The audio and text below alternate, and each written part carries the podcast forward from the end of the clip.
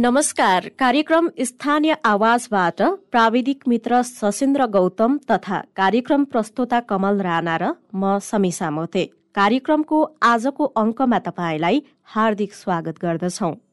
कार्यक्रम स्थानीय आवाज हरेक दिन ठिक साँझ साढे सात बजेदेखि आधा घण्टा प्रसारण हुन्छ।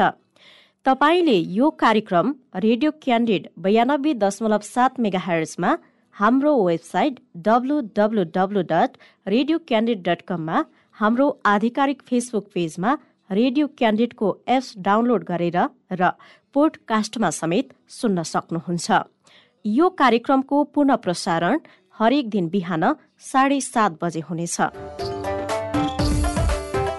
फुङलिङ नगरपालिका प्रदेश नम्बर एक अन्तर्गत ताप्लेजुङ जिल्लाको एक मात्र नगरपालिका हो। यो नगरपालिका ताप्लेजुङ जिल्लाको सदरमुकाममा अवस्थित छ। साबिक ताप्लेजुङ नगरपालिका नेपाल सरकारको निर्णय अनुसार दुई हजार एकहत्तर साल वैशाख पच्चिस गते गठन भएको नयाँ नगरपालिका हो।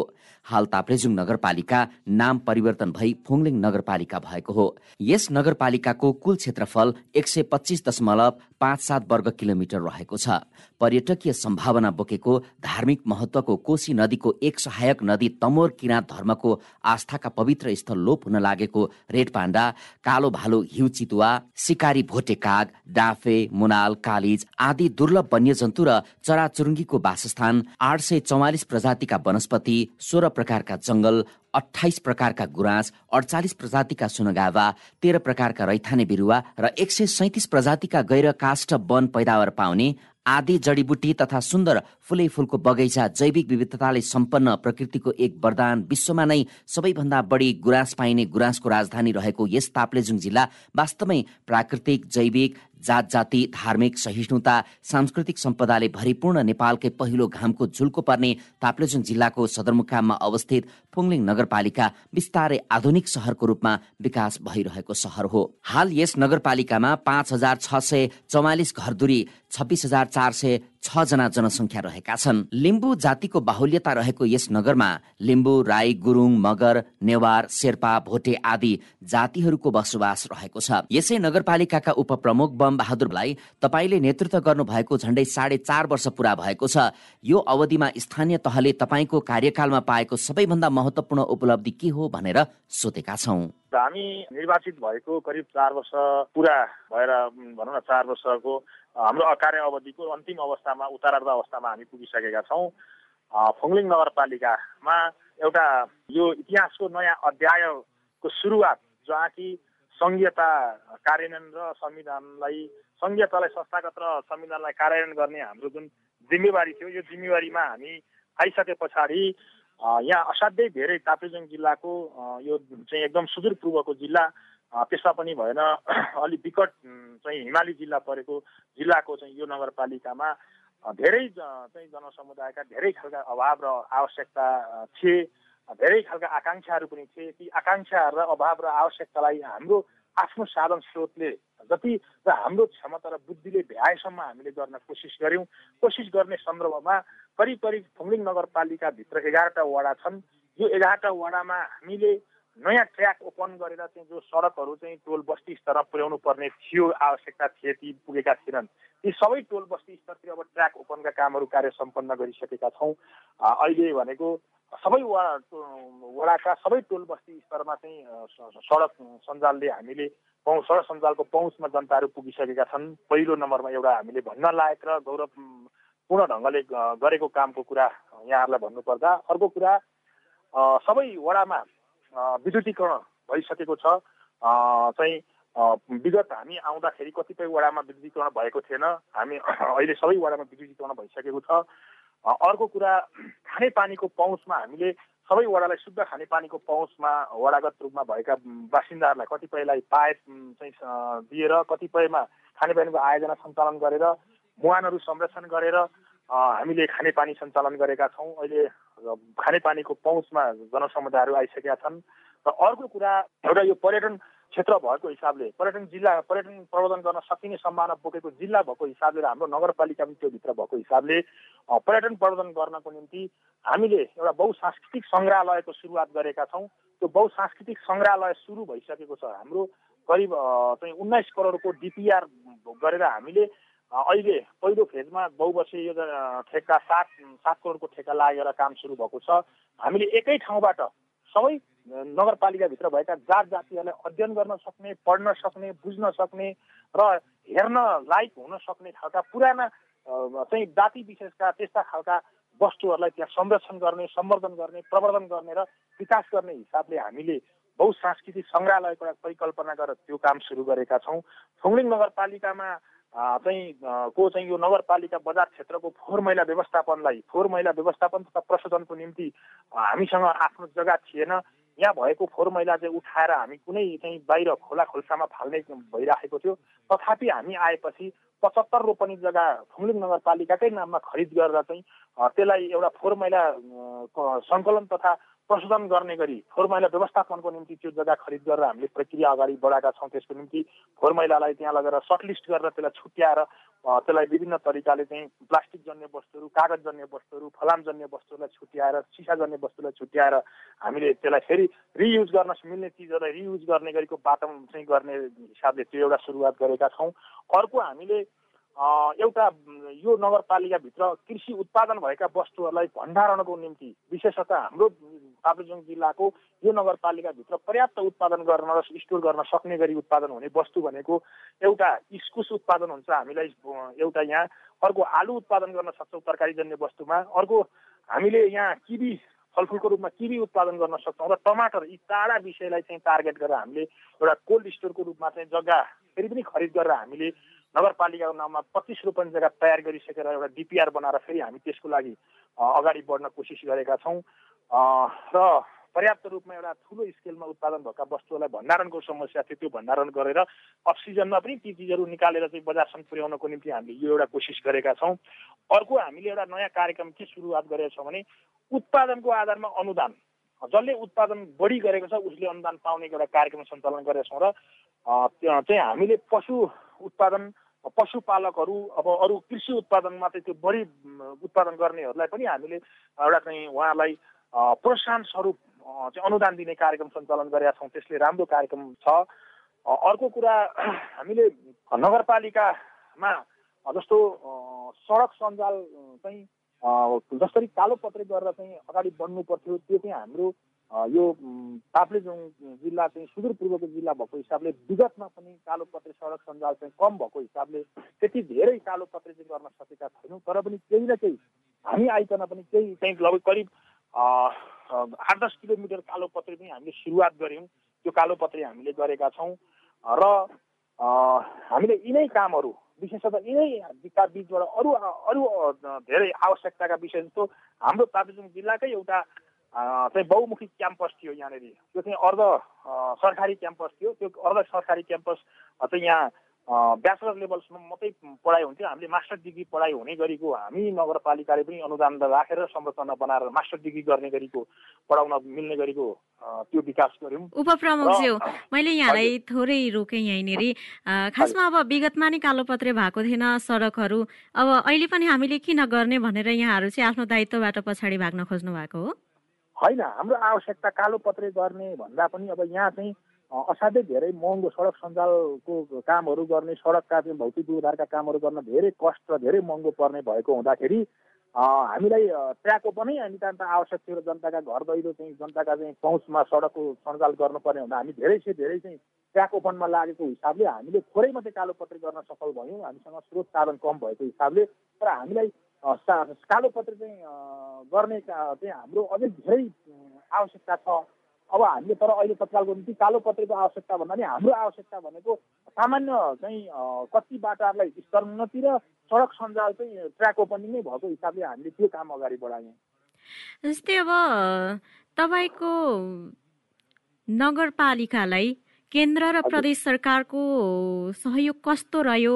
केन्द्र र प्रदेश सरकारसँग तपाईँको सम्बन्ध कस्तो रह्यो? तिनवटा तहको सरकार बनिसके पछाडि स्थानीय प्रदेश र सङ्घ बिचको समन्वय समझदारी र सहकार्य र एउटा चाहिँ एकअर्कामा चाहिँ सहयोगको भावनात्मक ढङ्गले अगाडि र सहअस्तित्वका साथ अगाडि बढ्नुपर्ने चाहिँ हाम्रो संविधानले पनि परिकल्पना गरेको हुँदाखेरि यसमा हाम्रो नगरपालिका र प्रदेश सरकार र सङ्घीय सरकार बिचको सम्बन्ध भनेको सन्तोषजनक सम्बन्ध रहेको कुरा यहाँहरूलाई म भन्न चाहन्छु।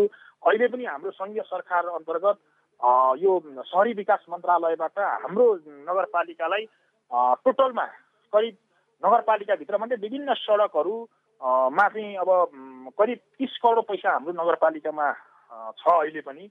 यहाँको आवश्यकता देखेर यहाँ चाहिँ समस्या भएर नि त्यो पैसा यहाँ आएको हो सडक सञ्जालमा। अर्को कुरा पर्यटन प्रबन्धनको निम्ति पनि त्यतिकै बजेट छ भनेपछि सङ्घीय सरकारसँग हाम्रो सम्बन्ध राम्रो रह्यो। र प्रदेश सरकारसँग पनि जति सम्बन्ध हुनुपर्थ्यो त्यो अन्तर्गतै हामीले कृषिका कुराहरू पशुका कामहरू र प्रदेश मातहतका जति पनि विकासका निर्माणका कामहरूसँग सहकार्य गरेर एकअर्कामा हामीले सरल के अरे एउटा सह अस्तित्वका साथ सहजीकरण गरेर दुइटै सरकार बिचको समन्वयात्मक ढङ्गले अगाडि बढ्ने कुरामा कुनै कन्सुसाइ गरेन र समस्या पनि रहेन। तपाईँको स्थानीय तहमा चाहिँ आम्दानीको स्रोत के हो? स्रोतको परिचालन र व्यवस्थापन कसरी गर्नुभएको छ? बताइदिनुहोस् न। धन्यवाद। एकदमै यो चाहिँ अहिले स्थानीय तहहरूलाई कतिपय समस्याहरू चाहिँ केही गर्न खोज्दाखेरि आफ्नो आन्तरिक स्रोतको र आफ्नो क्षमता अनुसारको का चाहिँ समस्या के अरे औकात अनुसार अगाडि बढ्नुपर्ने एउटा बडो समस्या छ। यसले धेरै कामहरू गर्नु परेको छ। हामी आउँदाखेरि हाम्रो नगरपालिकाको आन्तरिक स्रोत भनेको पचपन्न लाख थियो। त्यो पचपन्न लाखबाट हामीले बढाएर दायरा बढाएर हामीले कुनै पनि रासोमा आन्तरिक स्रोत बढाउने नाममा चाहिँ कर बढाएर करका चाहिँ दर बढाउनु भन्दा पनि हामीले दायरा बढाउनुपर्छ भन्ने हिसाबले लाग्यौँ लाग्दाखेरि अहिले हामीले एक करोड अस्सी लाखको अनुमान गऱ्यौँ हामीले अहिले यो आर्थिक वर्ष गरेका छौँ प्रक्षेपण गरेका छौँ राष्ट्रको। हामी अघिल्लो साल एक पचासको प्रक्षेपण गर्दाखेरि हामी एक अस्सीभन्दा माथि पुगेकोले हामीले चाहिँ अहिले एक अस्सी प्रक्षेपण गरेका छौँ करिब हामी दुईमा पुग्छौँ भन्ने हाम्रो सोचाइ छ। र आन्तरिक स्रोतलाई हामीले बढाउने कुरामा दायरालाई बढाएर सिस्टममा ल्याउने कुरामा हामी विशुद्ध हाम्रो नगरपालिका एकदम लागि परेको छ र हामीले छोडेका छैनौँ। सबै चिजलाई हामीले हाम्रो नगरपालिकालाई एउटा राष्ट्रको दायरामा ल्याउने कोसिस गरेका छौँ। धेरै स्थानीय तहहरूको एउटै गुनासो छ। सडक निर्माण पूर्वाधार विकास लगायत भौतिक संरचनामा योजनाविहीन काम भएका छन्। तपाईँ कसरी खण्डन गर्नुहुन्छ? सही कुरा हो। यसमा योजना बनाएर अब त्यसको डिपिआर बनाएर लागत इस्टिमेट गरेर त्यसको चाहिँ आइई गरेर त्यो वातावरणीय परीक्षण गरेर यी सबै काम गरेर चाहिँ जुन हामीले कामहरू गर्नु पर्थ्यो त्यस्तो का त्यसरी हामीले अलिक ठुला योजनाहरू जो बहु बसेर ठुला योजना त हामीले हामीले त्यसरी नै जुन आइई गरेर वातावरणीय परीक्षण गरेर त्यसको लागत अनुमान गरेर त्यसको सबै चाहिँ गरेर के अरे काम पुरा गरेर चाहिँ काम गरेका छौँ।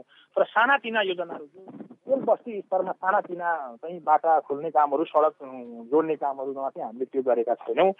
यो सबैतिर समस्या छ तर तथापि पनि हाम्रोमा त अब त्यो वातावरणीय परीक्षण नगरिकन एउटा चाहिँ लागत अनुमान नगरिकन योजनाबद्ध ढङ्गले चाहिँ योजना नबना बनाएर काम नगरिकन कुनै त्यस्तो ठुलो समस्या र त्यत्रो गुनासो त आएको छैन।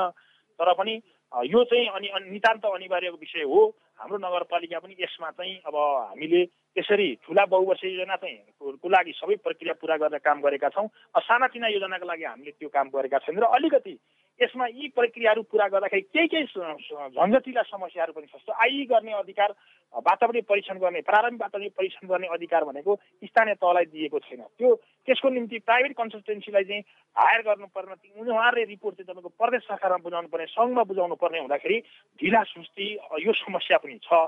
यो झन्झटबाट चाहिँ हामीले ठुलो आयोजनालाई त त्यो प्रक्रिया पुरा गरेका छौँ तर सानातिना योजनामा योजनालाई हामीले त्यो नगरिकन पनि हामीले कार्य सम्पन्न चाहिँ गरेका छौँ तपाईँहरू त राजनीतिक व्यक्तित्व राजनीतिक आस्था र पहुँचका भरमा पनि कामहरू भएका छन् कि समान रूपमा विकास बाँडिदिनु भएको छ? हामीले त्यसरी राजनीतिक पहुँच र राजनीतिक आफ्नो चाहिँ फेवरको रूपमा काम गरेका छैनौँ। हामीले जे जति हाम्रो क्षमता अनुसार र आवश्यकताका आधारमा जनताले चाहिँ छानेर पठाएका योजनालाई नै हामीले चाहिँ सम्बोधन गर्न कोसिस गरेका छौँ। जहाँ जनता र हामीले समय समयमा जनताका सामु गएर हामीले तपाईँहरूका समस्याहरू के छन् भनेर चाहिँ एउटा जनताका आवाज सुन्ने जनताका समस्याहरू सुन्ने जनताका घर दैलामा पुग्ने र आवश्यकता महसुस गर्ने हेर्ने र चाहिँ ती योजनाहरूलाई नै त्यस्ता खालका जनताले चाहिँ आवश्यकता महसुस गरेका योजनाहरूलाई नै सम्बोधन गर्न कोसिस गरेका छौँ र त्यसरी नै गरेका छौँ। सम्भवतः अहिलेसम्म राजनीतिक दलबलका आधारमा योजना पठाएर राजनीतिक दलबलकै आधारमा फेरि ती योजनाहरू प्रति कुनै गुनासो दुःख व्यक्त त्यस्तो गरेर चाहिँ हामी माथि कुनै त्यस्तो कसैले गरेको पनि छैन र वडागत रूपमा वडामा भएका समस्याहरूलाई ठुलो वडालाई अलिक धेरै बजेट सानो वडालाई त्यही अनुसारको बजेट सुगम एरियालाई त्यही अनुसारको बजेट दुर्गम एरियालाई त्यही अनुसारको बजेट र त्यहाँको नितान्त जनताका हितमा र जनताका अनुकूलता जनताका जनताका आवश्यकतालाई महसुस गरेरै हामीले बजेटिङ गरेका छौँ। बजेटको अवस्था र परिचालन कस्तो छ? आफ्नो र आफ्नाका लागि मात्र बजेट दिनुभयो सम्मान वितरण भएन भन्ने गुनासो छ नि। त्यस्तो छैन। अन्य पालिकामा हुन सक्छ कतिपय पालिकामा विवाद र समस्याहरू चाहिँ हामीले सुनिराखेका छौँ बुझिराखेका छौँ सञ्चार माध्यमबाट हेरिराखेका छौँ। र हामी हाम्रोमा चाहिँ अब त्यस्तो राजनीतिक पहुँचका आधारमा मात्रै बजेट दिने र आवश्यकताका आधारमा बजेट विनियोजन सही र उपयुक्त ढङ्गले आवश्यकता अनुसार न, चाहिँ बजेटको चाहिँ सही उपयोग नगर्ने भन्ने कुरा उठेको हुनसक्छ। हाम्रो जिल्ला अन्तर्गतको यो नगरपालिकामा हामीले चाहिँ त्यसो गरेका छैनौँ। खास गरी अब यो सामाजिक सुरक्षाको विषयमा धेरैले प्रश्नहरू उठाउने गरेका छन्। तपाईँको स्थानीय तहमा वृद्ध वृद्ध बालबालिका एकल महिला अपाङ्ग भएका व्यक्ति पिछडिकाको पिछडिएका समुदायको अवस्था कस्तो छ? हामीसँग जे जति सामाजिक सुरक्षा भत्ता चाहिँ लिने र हामी नगर हाम्रो चाहिँ माध्यमद्वारा उहाँलाई जुन दिने छ यो विगतमा के विभिन्न समस्या थिए भन्ने हामीलाई पनि गुनासो आउँथे। र अहिले गएर जसले सामाजिक सुरक्षाको भत्ता लिनुपर्ने उहाँले लिनुभएको छ। हामीले हाम्रो हाम्रो नगरपालिकाले सामाजिक सुरक्षा भत्ता सबैको ब्याङ्क एकाउन्टमा हामी जम्मा गरिदिन्छौँ।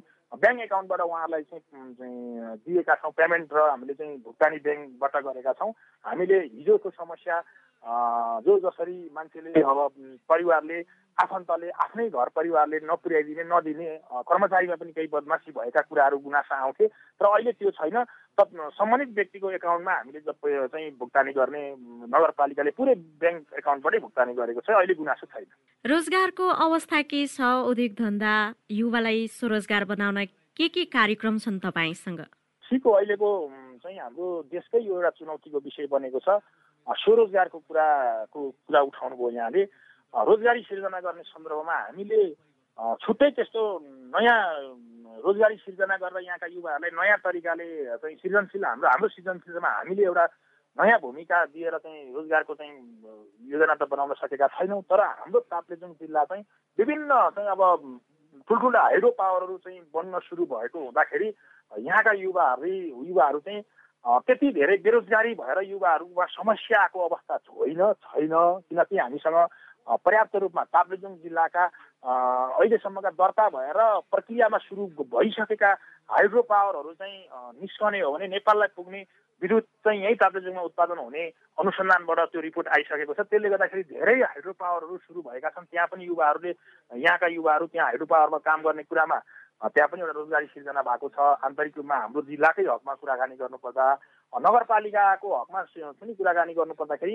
हामीसँग पाखिरा मन्दिर जो एउटा चाहिँ शक्तिपीठको रूपमा हामी सबैले विश्वास गरेर चाहिँ सबै चाहिँ देश विदेशबाट चाहिँ धेरै से धेरै यहाँ चाहिँ भक्तजनहरू तीर्थयात्रुहरू आउने भएको हुँदाखेरि यो क्षेत्रमा विभिन्न चाहिँ तपाईँको होटल व्यवसायहरू पर्यटन व्यवसायहरू अरू व्यवसायहरूलाई पनि राम्रो गरी चाहिँ अब धेरै युवाहरूलाई यहाँ पनि अब रोजगारी सिर्जना भएको छ र अरू व्यवसाय गर्ने युवाहरूले उत्पादन गरेका विभिन्न वस्तुहरू पनि हामीले बजारसम्म पुर्याउनको निम्ति हाम्रो हिमाली जिल्लाका अर्ग्यानिक वस्तुहरू उत्पादन गरेको वस्तुहरू बजारसम्म लानको निम्ति पनि त्यसबाट पनि आफैले आफैलाई चाहिँ रोजगारी व्यावसायिक ढङ्गले जोडिएर यहाँका युवाहरू रोजगारमा चाहिँ उहाँहरूलाई त्यति समस्या छैन।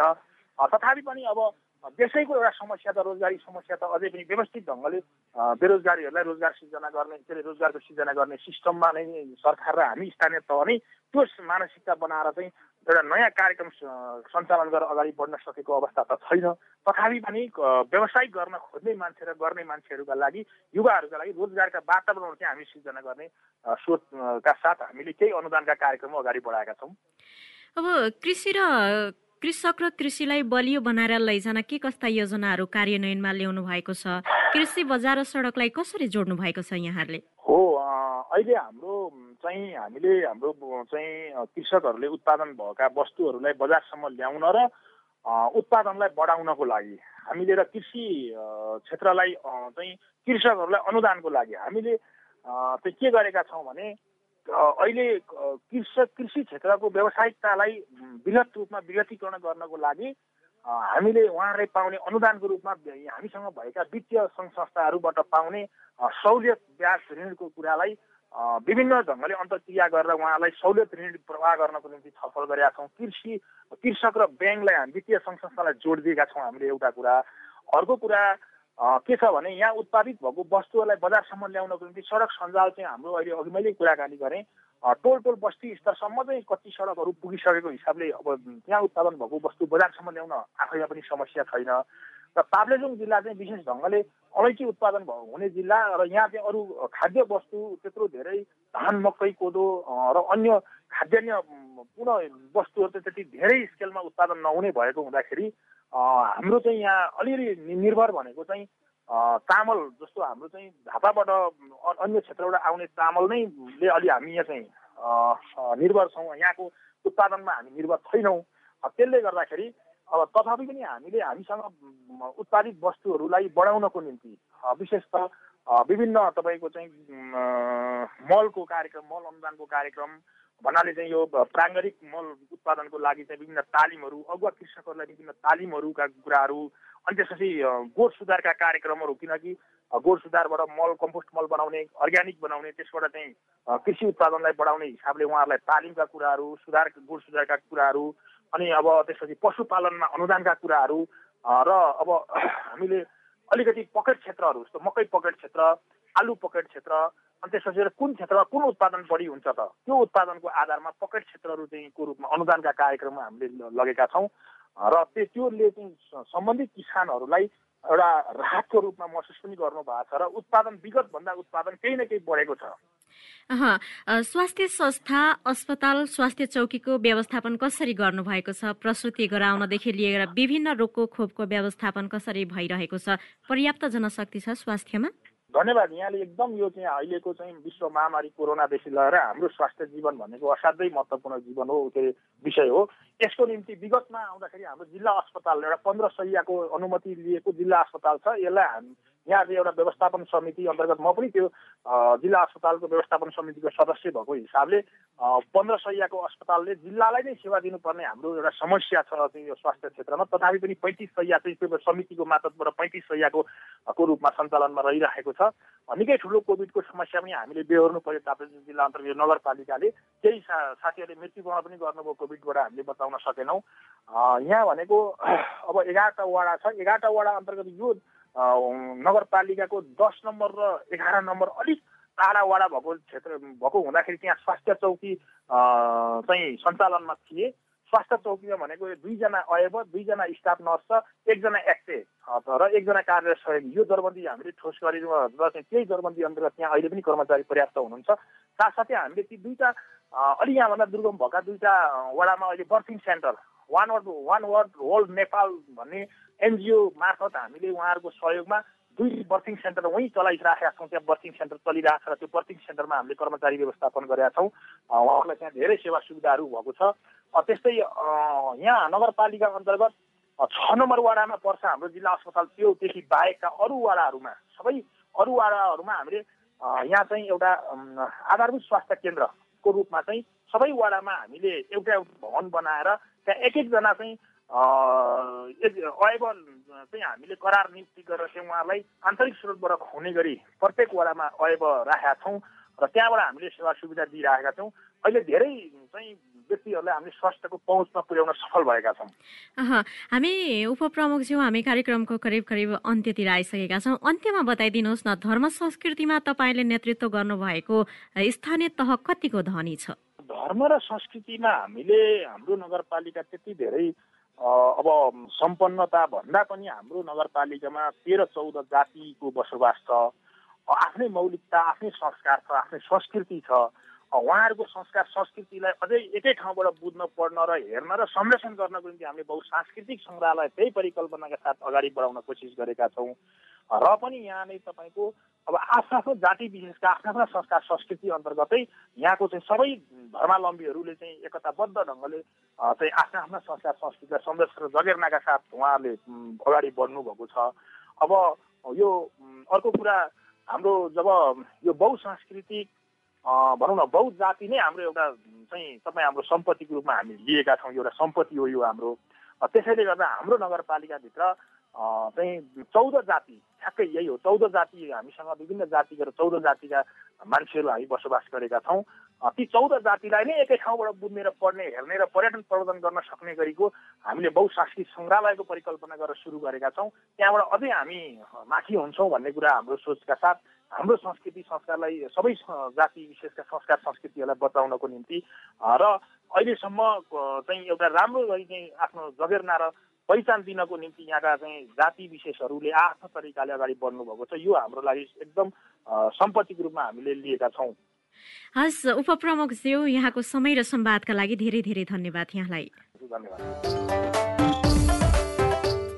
आजको कार्यक्रम स्थानीय आवाजमा हामीले फुङलिङ नगरपालिकाका उपप्रमुख बमबहादुर भट्टराईसँग स्थानीय तहमा जनप्रतिनिधि निर्वाचित भएको पछिल्लो साढे चार वर्षको अवधिमा भएका विकास निर्माण तथा अन्य सुधारका विषयमा केन्द्रित रहेर कुराकानी गर्यौं। कार्यक्रम सुनेपछि तपाईँलाई कुनै सुझाव दिन मन लागेको छ अथवा कुनै स्थानीय तहका जनप्रतिनिधिसँग कुराकानी गरिदिए हुन्थ्यो भन्ने चाहनुहुन्छ भने हामीलाई हाम्रो फेसबुक पेजमा मेसेज गर्नुहोस् अथवा कार्यक्रमको इमेल ठेगाना radio candidate ninety two point seven eight gmail dot कममा मेल गर्नुहोस्। उपयुक्त सुझावलाई हामी पक्कै ग्रहण गर्नेछौ। कार्यक्रम सुनिदिनुभयो तपाईँलाई धन्यवाद। हौस् त भोलि फेरि भेटौँला। सशेन्द्र गौतम कमल राणा र समीसा मोते विदा भयौँ। नमस्कार।